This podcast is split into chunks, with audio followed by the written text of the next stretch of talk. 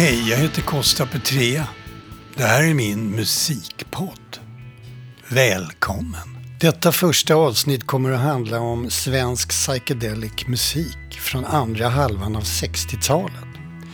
Om dess mest inflytelserika person, Bill Örström. A&R, musiker, konsertarrangör, programledare i radio och TV och framförallt kompis med Jimi Hendrix.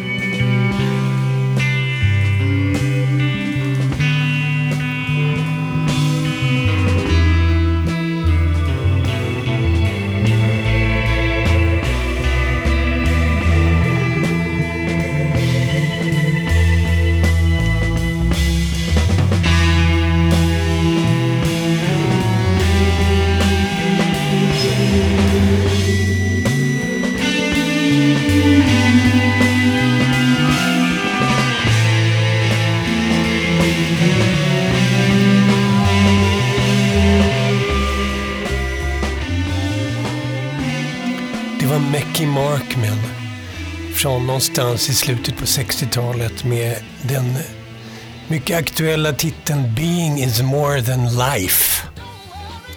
1966 när Stokely Carmichael åker ut och in ur fängelse för sin kamp mot rasismen i USA så nämner han för första gången begreppet Black Power. USA kokar.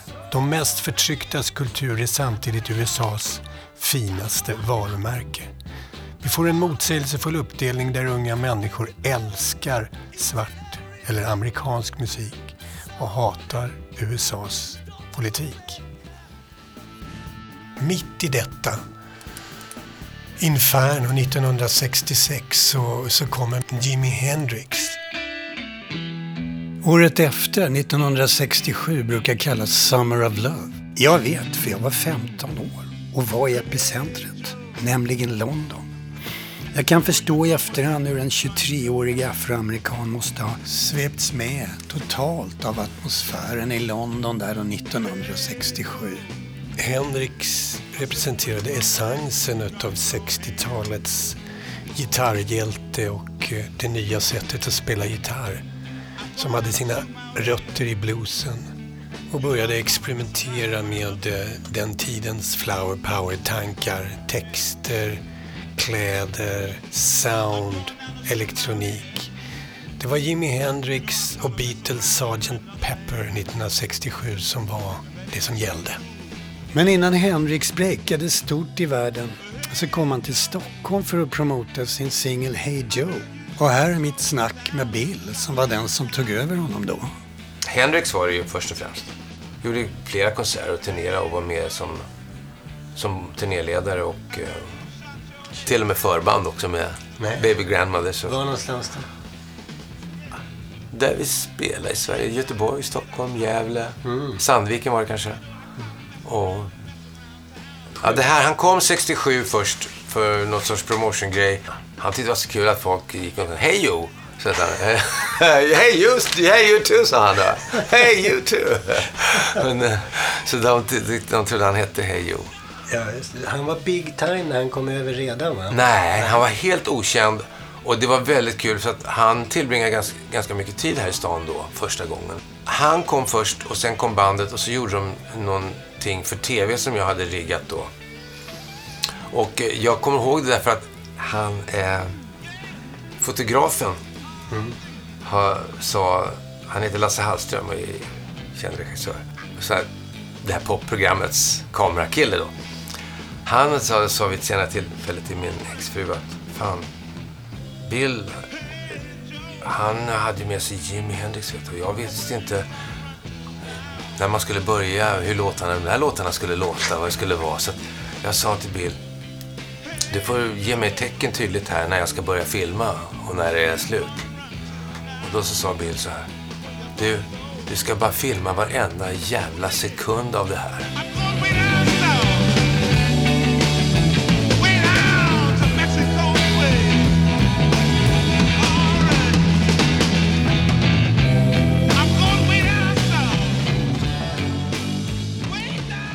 Samtidigt, 1967, så jobbar Bill med ett par grupper som kom att betyda mycket för den del av svenska proggen som fick sin symboliska start med de två första festerna på Gärdet 1970.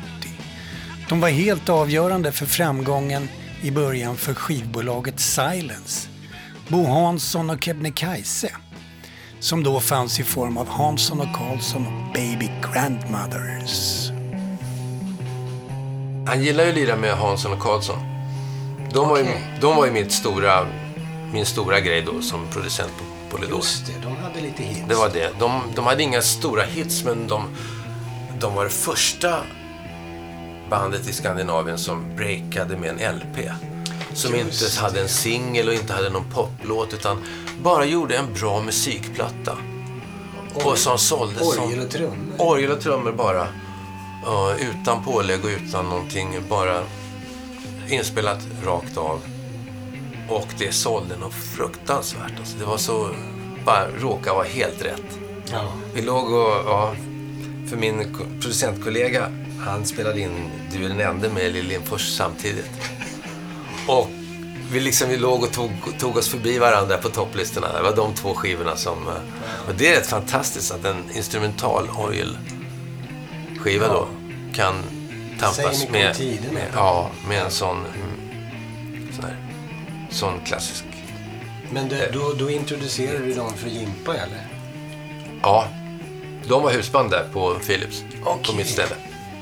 Och då kommer han dit och är Och då kommer han spelsugen. dit och är spelsugen och, um, och de, de fann varandra direkt. Ja, så att hade han haft en chans... Orgeltrio med gitarrist. Orgelduo med Oj, gitarrist. du med gitarr. Ja, visst. Det är precis vad han ska behöva. Men eh, man vill väl inte trampa på några...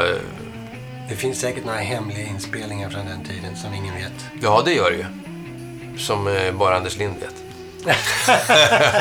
jo, men det finns ganska mycket inspelat, men, det, det är men riktigt... Ken, Kenny Håkansson var med och, Han var med i det andra bandet. Ja, vi hade två husband. Okej. Han hade ett band som hette det? Baby Grandmothers. Baby Grand. Och det var de som vi åkte med som förband då. Det var äkta svensk psychedelic. Ja, och det var ruskigt bra.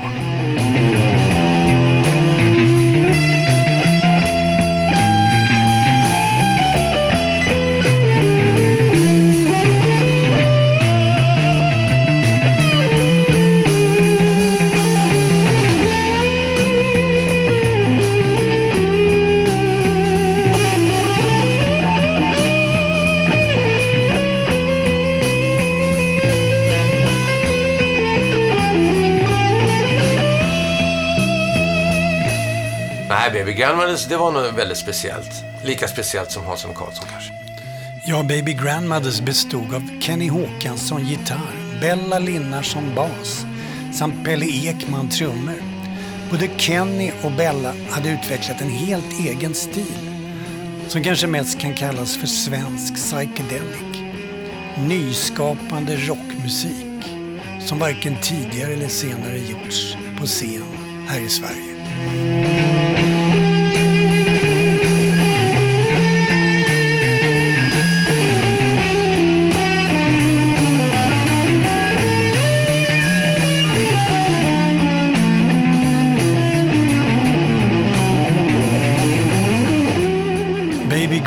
Grandmothers blev en kvartett till slut och hette då Mackie Markman efter sångaren och keyboardisten Mackie Bodemark. Här är en av deras låtar, Sweet Swede Girl.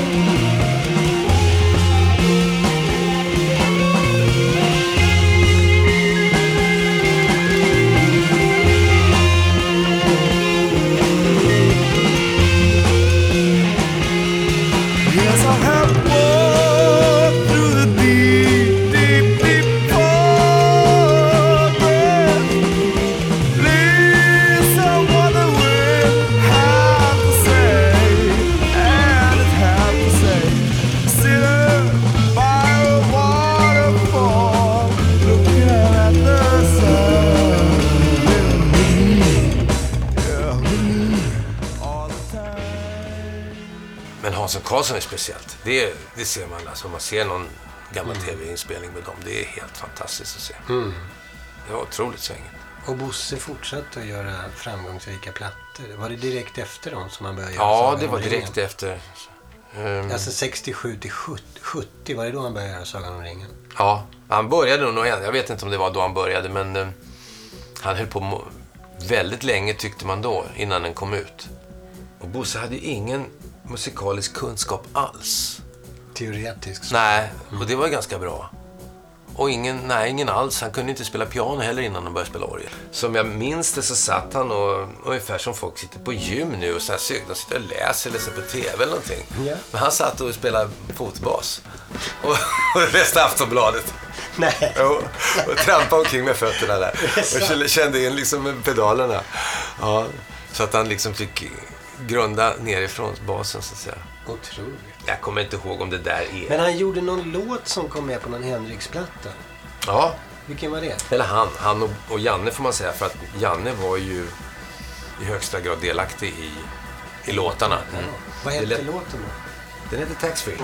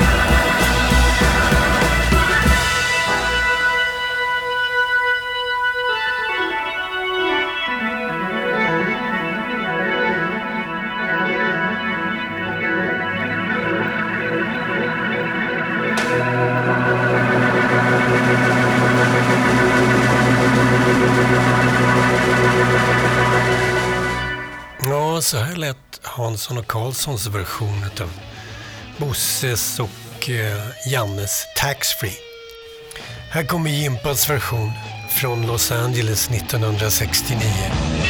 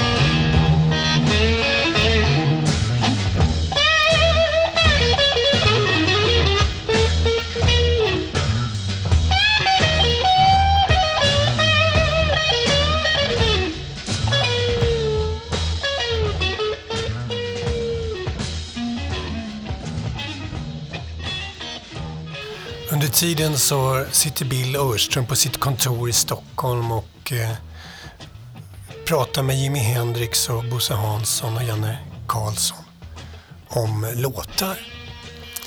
Den tidens låtpitchning. Hendrix ville ha låtar att sätta text till. Han hade textförslag till flera av deras låtar. Och, och jag skickade en låtar och han eh, ringde tillbaka. Till Jimpa? Ja, Wow. och eh, var väldigt intresserad och, och skulle väldigt gärna jobba med dem. Men det var ju så hårt reglerat då. Han hade tuffa managers och tuffa Ja. tidsprogram och, och allting och, och ansvar för de här musikerna och för, inför skivbolag och sånt. Så det gjorde väl honom bara i stort sett eh, ganska misslynt att behöva vara låst i det här samtidigt som han då kunde, han kanske hade andra projekt också som han var intresserad om. Men, Men- han, men, men det han, så eh, långt var att han väldigt- tog en av låtarna. Ja, jo, det, han gjorde den på skivor. Den, den finns ju. Vilken platta är det? Det kommer jag inte ihåg. Men inte, alltså, Inte den första i alla fall. inte första, någon av de första tre. Det är inte. Nej, nej. Musiktidningen Rolling Stone utsåg Hendrix till världens bästa rockgitarrist genom tiderna.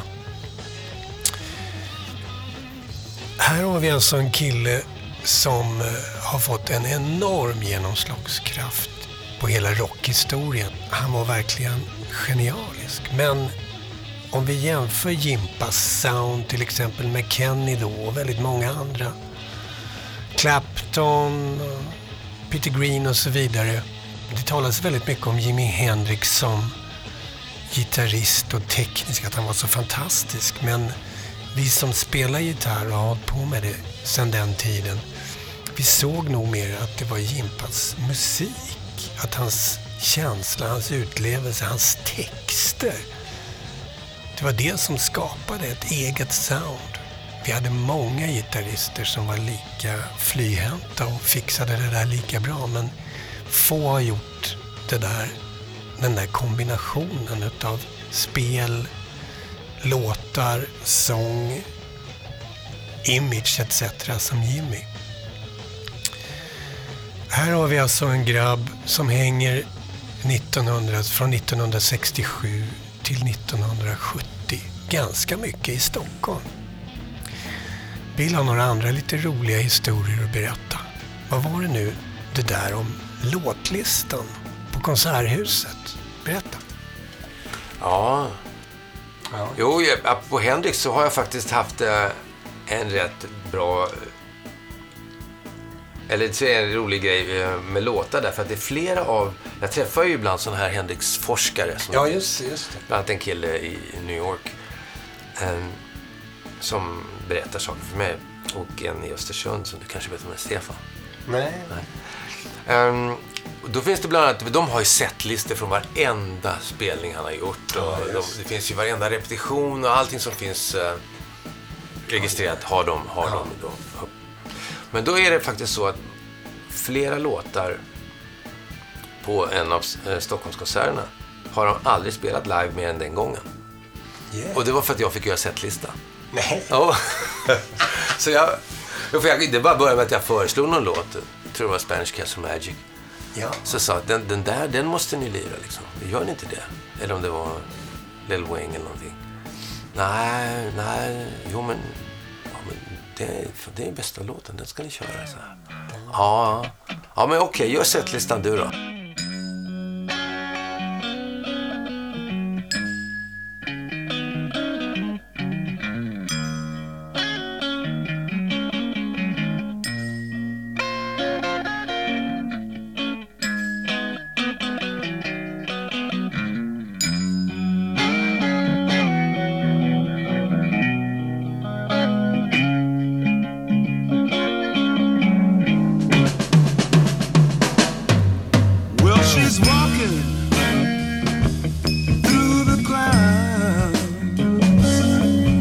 Circus mind.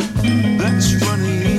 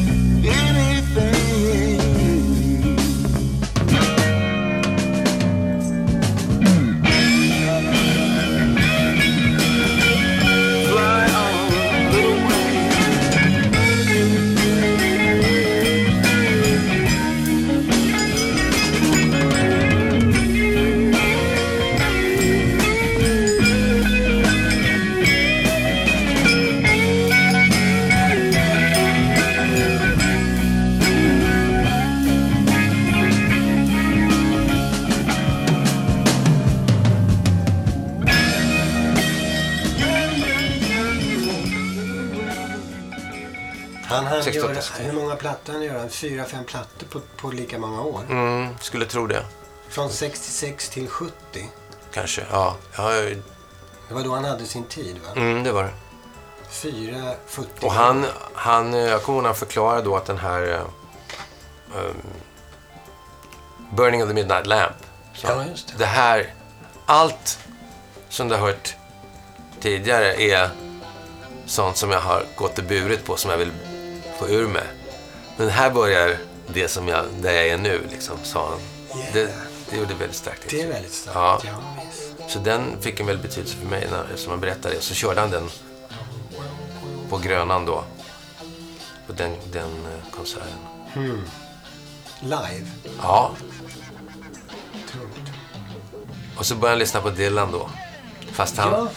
han, han, han körde, han hade en sån här liten flickrumsgrammofon, sån här plast. Ljusgrön eller någonting sånt. Portabel. Ja, med batteri. Med batterier. Och så gick han och körde och så, och så hade han en, någon, någon 45 då med, med fyra Dylan-låtar. Ja, just det. Och så körde han på 33. Och så gick han så. Över, över Lidingöbron kommer jag ihåg. Ja, ja, just det. Över Lidingöbron med, med den här lilla vid örat liksom. Och lyssna på Dylan. Och lyssna på Dylan fast i 33 varv då. Ja, var det därför han kom på... Vilken låt var han spelade in? Det var All ju... along the watchtower. Ja, just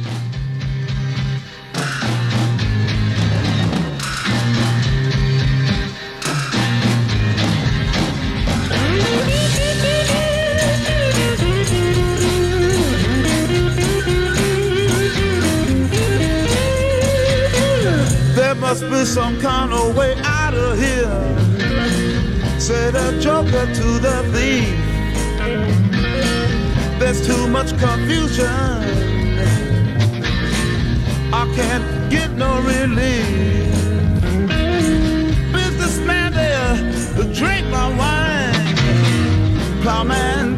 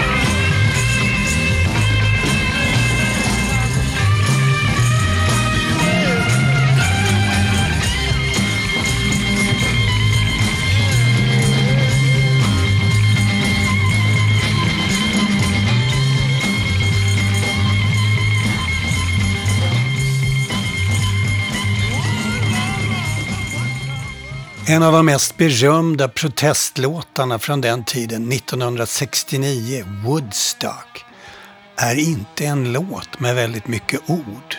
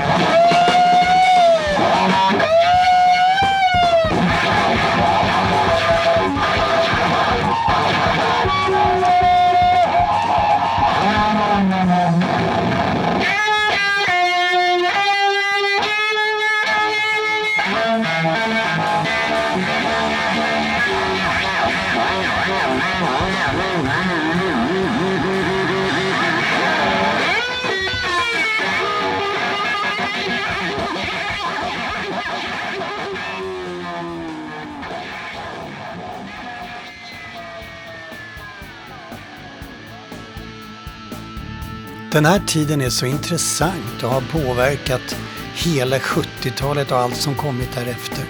Så det kommer att bli ännu en podd om det här. Med några fler svenska grupper som jag tycker kommit i skym skymundan när det gäller prat om den här tidens betydelse för eh, proggrörelser, och den alternativa musiken. Jag sa hej då för den här gången.